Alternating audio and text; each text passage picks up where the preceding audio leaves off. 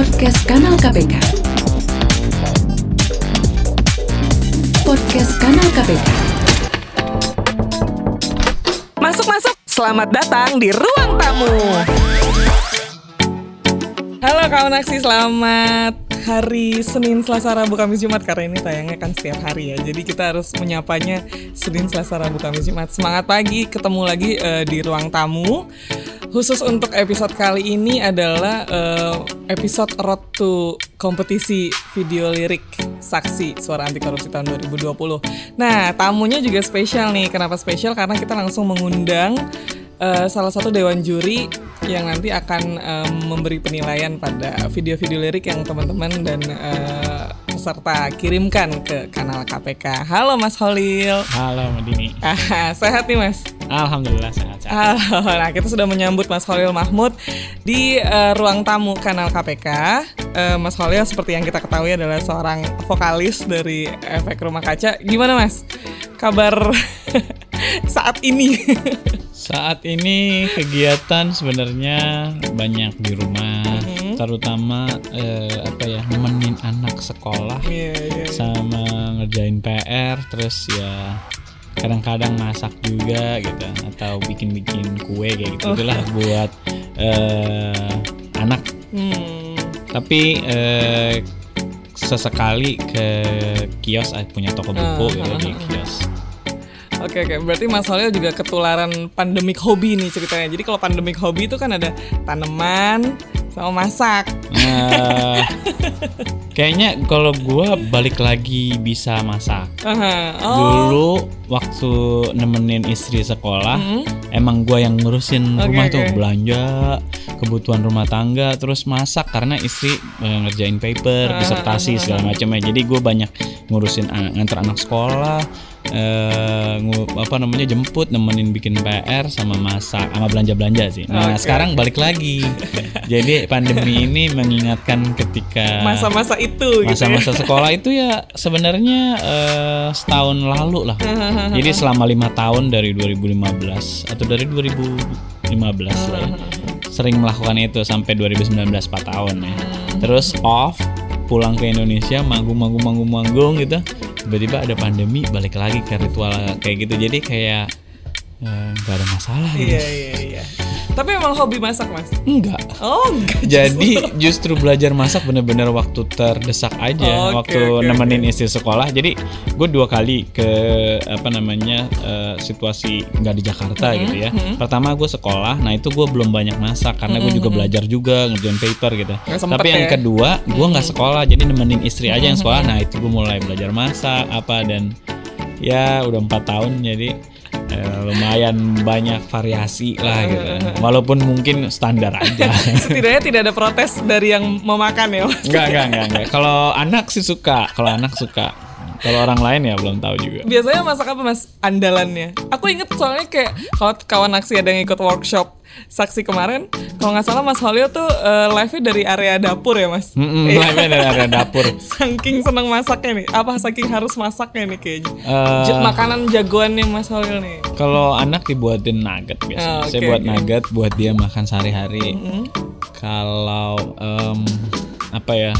Dulu kalau di sana karena di sana di Amerika gitu ya orang-orang pada makan steak ya belajar masak steak terus di rumah ada eh, wilayahnya itu Latin juga belajar bikin misalnya apa ya taco Oh, terus ha-ha. kalau yang bahasa gitu-gitu. Indonesia eh kalau ya kalau yang masakan Indonesia sih eh, yang suka kalau bukan gue ya istri gue sukanya sop buntut gue biasa suka hmm, kayak eh, sambal mata ayam gitu Hmm, terus kadang-kadang eh, betutu gitu. Oh, karena itu kan ribet mas. ya tapi karena pengen ya akhirnya buat gitu. Kebetulan bumbu-bumbunya ada kayak gitu gitu terus eh, ada temen yang jago masak Bali gitu minta resep sama dia dan gue cobain enak. Wah, enak. kalah sari gitu jadi kayak nasi campur gitu terus suka. Terus Hmm, yang standar-standar sih kayak gule kayak Iya, gitu-gitu seneng masaknya. Kan lagi pada rajin ini nih mas pandemi open PO nggak mau open PO Enggak, gua, gua yang lagi lagi niat nih sebenarnya di teman-teman di kios juga ya, eh, lagi berusaha waktu itu pengen apa ya bikin bikin kue, cookies, mm, cookies ya. mm, Gue juga cookies, lumayan cookies. sering bikin cookies dulu di sana Wah, buat anak heeh. eh soft baking gitu, tapi eh, masih belum terlalu percaya diri untuk dijual, untuk PO, untuk PO. Jadi kadang-kadang di sini masih nyicip- nyicipin aja nyari formula yang paling pas gitu. kan sekarang soalnya dikit-dikit eh, orang masak open PO dong Ah gitu. gitu ya ya ya benar. Siapa tahu nanti lagi pandemi kalau pandemi masih panjang toto ada cookies by Holil Mahmud gitu kan. Mudah-mudahan mudah-mudahan kalau punya nyali. Sekarang sih masih kelas eh, bagi-bagiin ke teman-teman atau terutama yang datang gitu. iya, iya, teman-teman terdekat kan. Nah, sebenarnya kalau misalnya eh, kita ngomongin pandemi, pasti ada efeknya dan eh, dampaknya secara langsung ke teman-teman musisi gitu, Mas. Kalau misalnya Mas Khalil sendiri memandang hal ini eh, untuk eh, Mas Khalil dan teman-teman efek rumah kaca, apa sih Mas pelajaran atau tantangan yang diambil nih dari masa-masa pandemi ini, khususnya untuk eh, kegiatan bermusik? Em, mungkin eh, apa ya kalau lebih ke ngambil pelajaran sama hikmah ya bahwa eh, musisi bis mungkin memang nggak harus selalu bermain musik Hmm. Jadi, tapi dia bisa mempraktekkan apa yang dia tekuni itu dalam bidang lain nanti untuk dikembalikan lagi ke eh, apa namanya ke disiplinnya dia kalau dia main musik ya. Kan gini nggak semua hal itu hubungannya sama musik aja teknikal tapi filosofi segala macam itu nanti bisa diterapin ke musik itu misalnya gini gimana orang mau belajar buat lagu ya? Gue nggak bisa buat lagu nih gitu. Ya gue harus belajar buat lagu. Apakah buat lagu itu semata-mata teknikal doang? Kan enggak ya?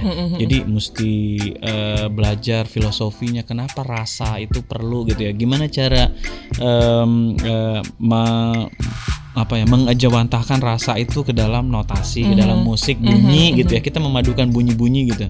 Lalu mungkin aja kita mendapatkan pelajaran itu di dunia luar bukan di musik. Nah Iya, iya, iya. di pandemi ini eh, bagaimana kita dipaksa untuk bisa eh, menjadi apa pun gitu. Jadi karena oke peran sebagai musisinya nih lagi nggak terlalu menonjol nih, tapi sebagai mus- musisi dia juga bisa mengambil pelajaran dari dunia luar gitu ya. Eh, struggling di dunia luar itu juga bagian dari pelajaran yang mungkin bisa kita tuangkan ke dalam karya gitu.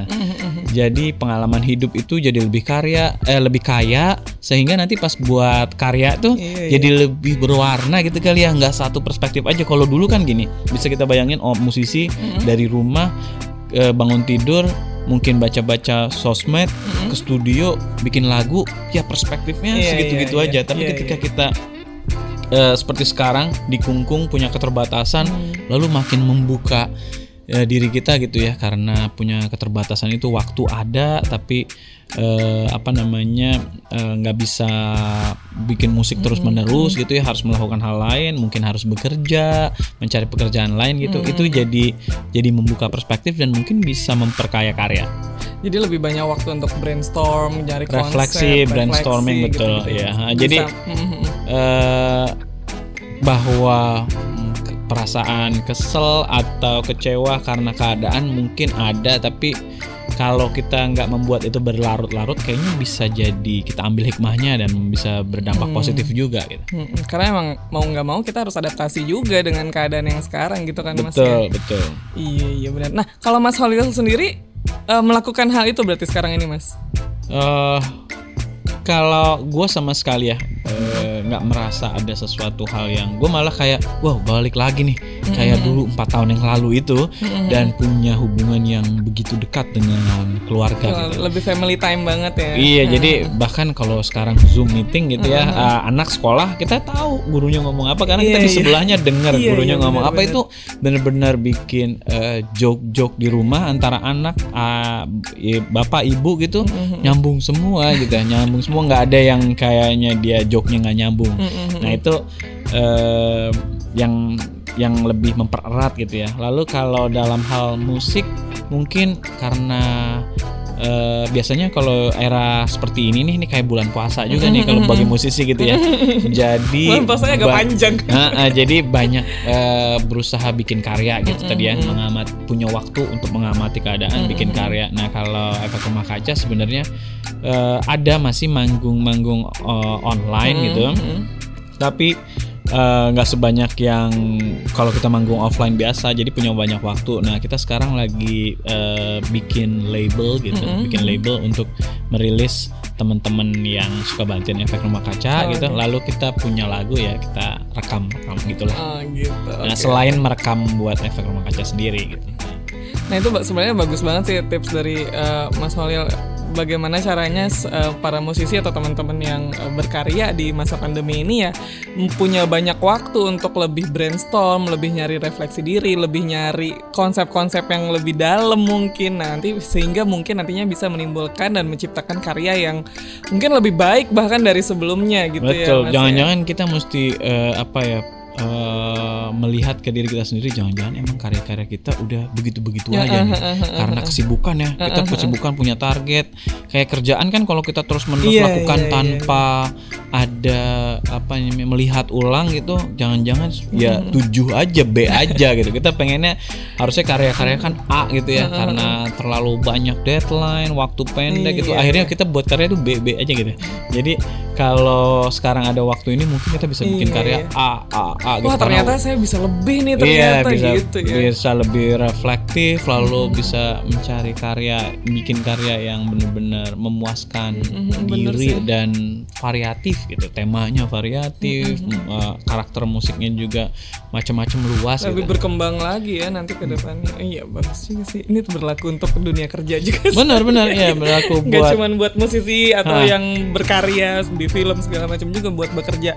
Aku misalnya pekerjaan sehari-hari juga ya benar juga sih yang Mas Holil bilang.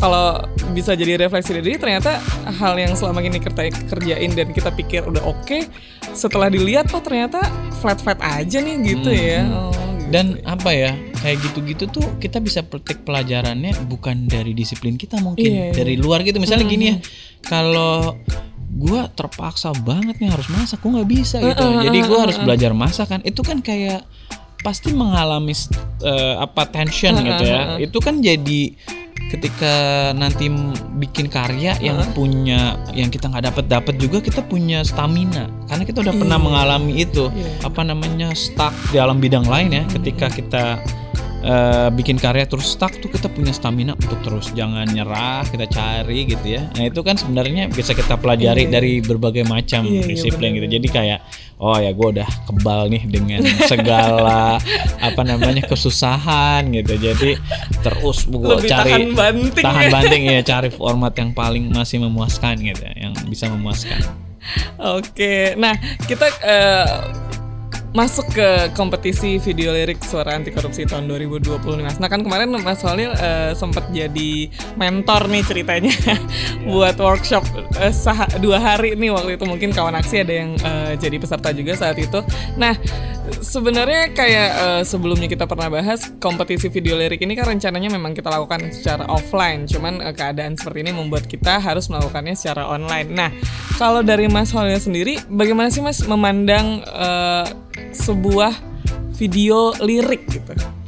Kalau uh, video lirik ya fenomenanya tuh uh, menarik banget gitu Mhm. karena uh, gua selama kira-kira berapa ya udah mungkin uh, 13 tahun atau 15 tahun di uh, musik gitu yang yang mungkin uh, sudah mulai manggung-manggung ya sebenarnya kalau main musiknya udah lama gitu 25 tahun Wow. itu apa namanya eh melihat fenomena video lirik di lima tahun terakhir ini eh, punya peranan penting gitu buat buat suatu apa ya membawa karya ke level tertentu atau buat musisinya sendiri gitu. Jadi eh, karyanya itu berarti muatan eh, substansi dari lagu itu bisa tersampaikan ke orang atau orang jadi tahu musisinya siapa karena video lirik itu lebih banyak di apa ditonton orang gitu. dan jadi itu ketika dia banyak bisa ditonton orang akhirnya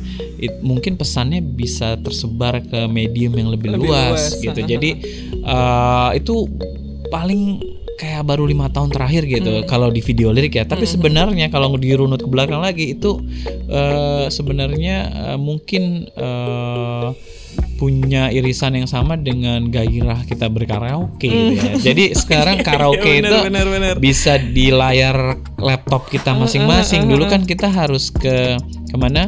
Ke rumah-rumah ini karaoke ya, gitu ke rumah-rumah karaoke Oh, untuk apalagi orang bisa- Indonesia kan seneng banget ya mas. Betul, iya rame gitu dan ternyata terbukti bahwa video lirik diminati itu karena emang kita seneng gitu ya, ikut bernyanyi gitu itu membuat hati gembira gitu walaupun mungkin liriknya nggak gembira Iya tapi iya iya.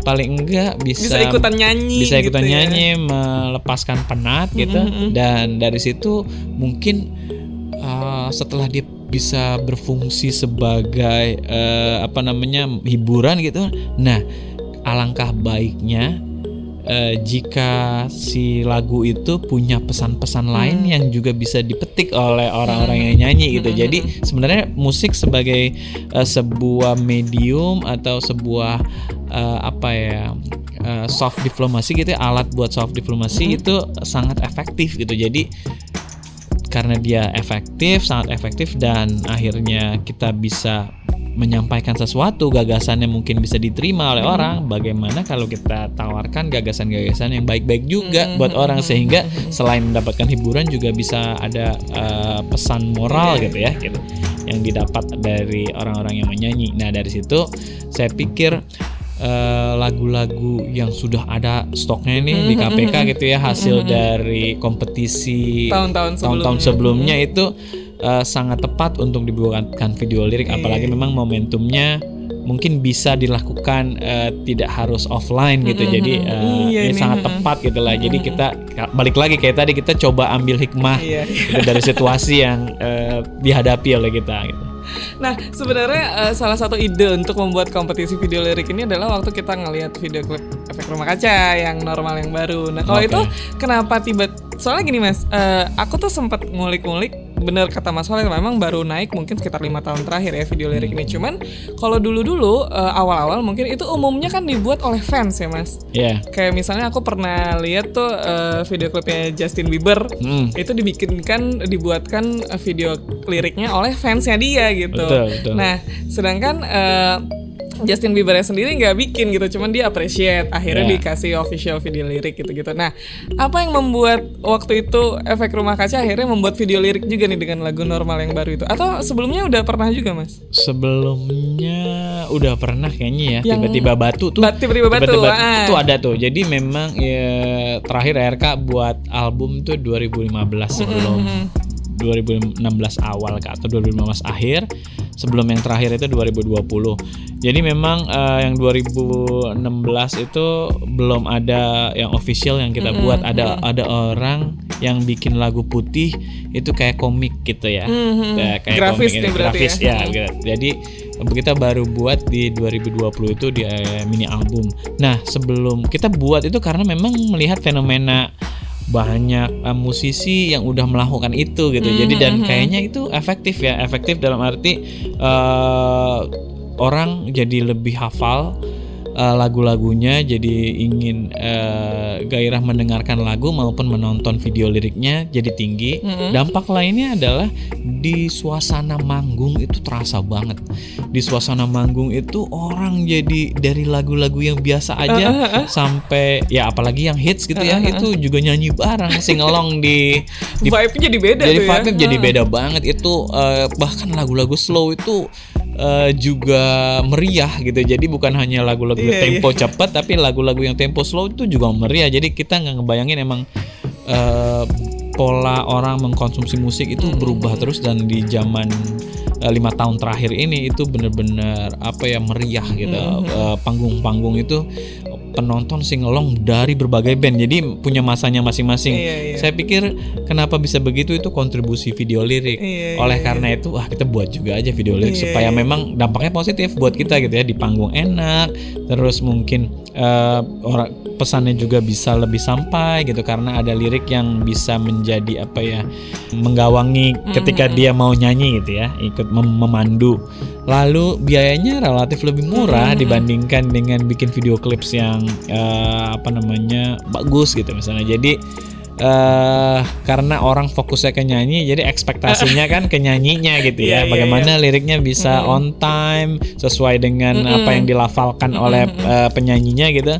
Nah jadi eh, nggak terlalu complicated lah cara buatnya gitu. Jadi Iya, iya, iya. lebih diminati lagi Iya, gitu. iya, dan mungkin ada juga kalau musisi-musisi setelah bikin video lirik ada video eh, official videonya beneran gitu ya tapi paling nggak video lirik udah jadi salah satu marketing tools yang Oh, kayaknya iya. mesti ada nih gitu marketing toolsnya Iya. juga ya. Nah, tadi ngomongin, eh, aku ingat tuh video klip ERK yang tiba-tiba batu itu kan kayak awalnya lari-larian tuh Ah, langsung ah, tiga. Nah, itu berarti kan eh, seberapa penting sih mas eh, konsep atau tampilan bicara video lirik kan tidak harus tampilan visual. Misalnya eh, visual bisa jadi grafis atau Iya. gambar real life gitu. Nah, seberapa penting sih mas eh, konsep videonya dengan liriknya karena liriknya kan juga ditampilkan nih di layar bersama video itu. Nah, seberapa penting korelasi di antara keduanya, Mas? Em, kayaknya tuh eh, penting dalam artian bahwa misalnya kita bisa mainin eh, rasa yang di lagu terus eh, suasananya yang dibangun oleh lagu itu tuh kan kita masih nebak-nebak ya. Lalu orang si pembuat video klip misalnya atau video lirik itu misalnya kayaknya kalau dengar lagu ini eh, yang cocok warnanya sepia nih karena lagunya begitu ya rasanya tuh kayak sore-sore gitu. Nah itu kan juga jadi ada korelasinya tuh. Oke, Jadi oke. kita eh, bagaimana kita menangkap rasa yang dipunyai oleh si pemusik untuk kita terjemahkan ke dalam video lirik kita atau kita pertebal gitu ya. Eh, bisa juga untuk menarik eh, misalnya eh, penonton gitu yang mau menonton video lirik bisa juga mungkin menjuxtaposisikan gitu menempatkan sesuatu nggak pada tempatnya tapi sebenarnya kok bisa gitu. Contohnya apa? Misalnya kayak ada sofa di pantai kan nggak pada Iya, tempatnya ya iya, tapi iya, kok iya. enak-enak aja ya kalau ada di situ ya gitu estetik estetik aja gitu kayaknya. Nah, itu itu juga bisa jadi satu eh, apa namanya trik biasanya Iya, mendudukan sesuatu nggak pada tempatnya tapi ternyata kok bisa gitu. Iya, Jadi itu juga satu trik juga. Lalu kalau video lirik mungkin f- eh, fontnya, font dari Hmm, eh, apa namanya font dari liriknya itu itu ngaruh juga ya, Mas. itu ya? kayaknya bikin kita seneng sih kalau nonton karena kan dia eh, apa namanya bergantung pada grafis yang ada di situ ya. Jadi grafis dari fontnya yang akan itu juga penting buat kayak eh, keindahan dari si videonya gitu. Selain eh, sequence-nya, timingnya itu eh, tepat dengan itunya ya, dengan lagunya gitu ya, temponya dia ya itu tepat. Tapi fontnya itu juga cocok dengan liriknya dan kalau mungkin juga cocok dengan si karakter penyanyinya. Penyanyinya memang udah punya fontnya khusus buat dia gitu ya. Misalnya kayak apa ya? Misalnya eh, yang spesifik kita eh, gampang ngelihat misalnya oh kalau zaman saya anak metal gitu dulu Metallica kan punya iya, font khusus ya. Font. nah nanti mungkin eh, fontnya juga nggak beda jauh Ah, dengan gitu atau atau sekalian mau dijauhin. Misalnya Oh, karena gitu. dia metal gitu kan sangat nggak sangat nggak apa ya cute gitu ya justru dibuat cute Comic dibuat- sense gitu.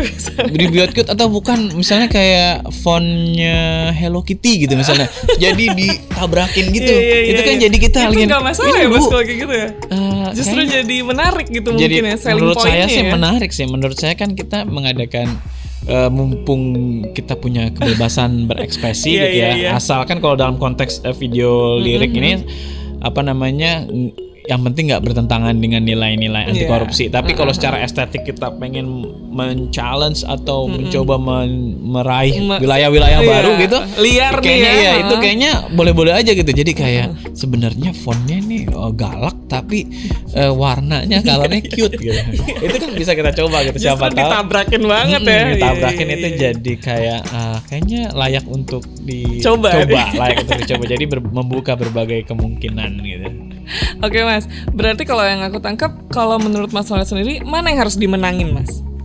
pemilihan gambar atau liriknya? Atau font liriknya? Saya um, yang harus dimenangin ya let's say mungkin 55 60 40 mungkin. Yang harus Uh, dimenangin gitu kalau harus milih. kalau secara teknis biar enak dengerinnya itu eh, kalau saya sebenarnya eh, kan lagunya udah ada ya Mm-mm. kita milih kita lagunya. milih Eh, gambar sama font nih Iya, jadi eh, cara dia meng- menyampaikan menurut saya yang penting gitu karena substansi udah ada. Mm-mm. Cara menyampaikan nanti editing teknis mungkin penting juga tapi kalau kita udah terpukau sama eh, bagaimana ide apa bagaimana dia menyampaikan pesannya gitu ya. Uh-uh, uh-uh.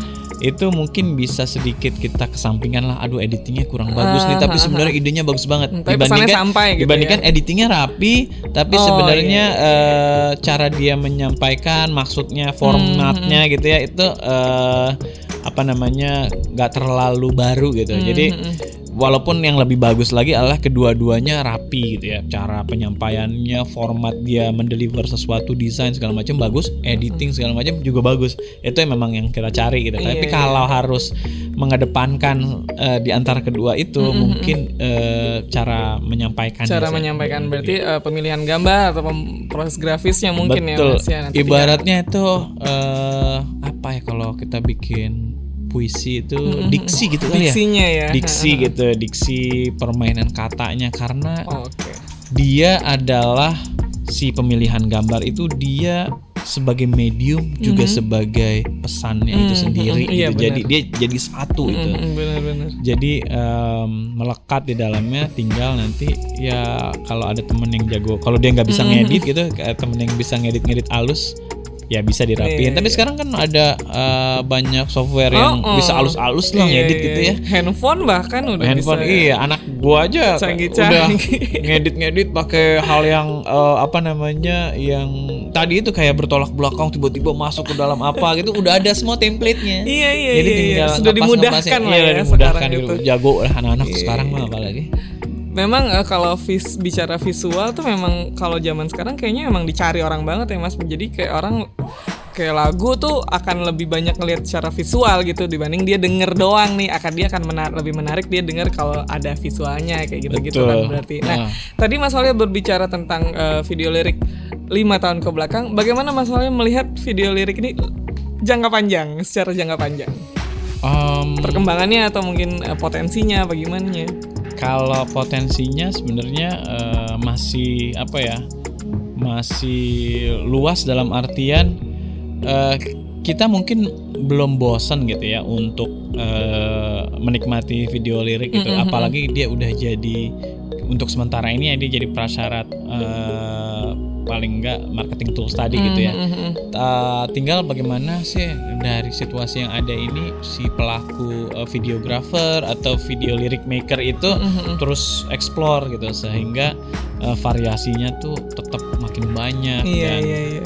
dan apa ya hmm, kemajuan zaman kan cepet banget Wah, kita kayaknya nggak mungkin mundur gitu jadi Ah, ah, ah. pasti uh, potensi-potensi baru ada terus gitu Iya ya. iya kemajuan zaman kemajuan bisa jadi ntar iya ntar janjian ada sosial media khusus buat itu kali ya. Karena semua orang itu udah jadi Iya iya bener udah bener. jadi konsumen sekaligus produsen Bener, gitu ya. bener. dalam berbagai karya seni gitu Iya, maupun sampai yang lebih apa ya lebih kasual gitu kayak meme gitu ya. Ah, itu anak kecil bisa bikin semua Iya, orang bisa. Jadi emang udah kayak life skill untuk bisa ngedit eh, video gambar musik di di combine dalam satu gadget itu dengan cepet itu udah jadi life skill kita gitu ya jadi Ya bener kalau Indonesia terkenal banget kan cepet satset banget ya mas Nah, kalau soal untuk kayak gini-gini gitu nih. iya ya. jadi kayak eh, makin lama sih makin berkembang Iya, kayaknya iya, karena iya. itu eh, bagian dari kebutuhan Oke oke.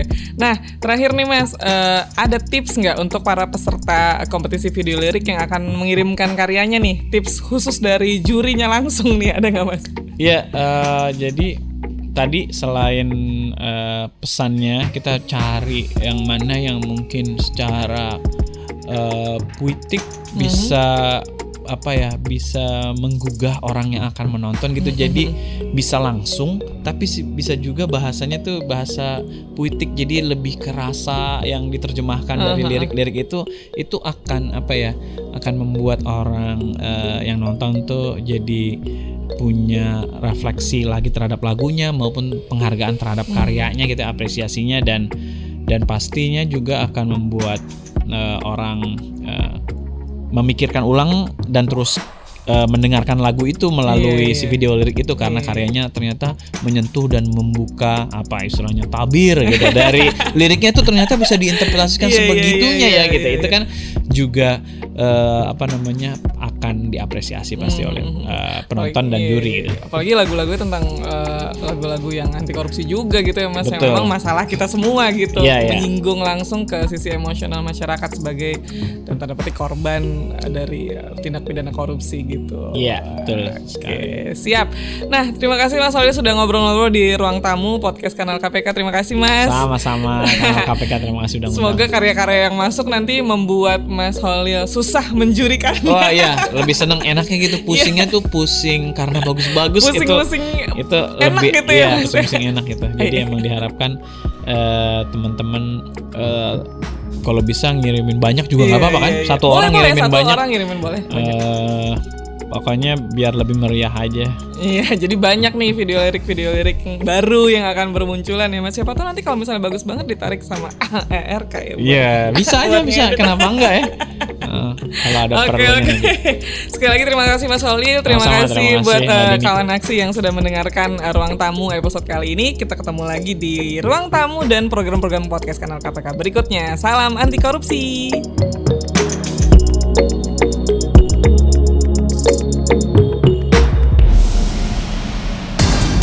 Podcast Kanal KPK.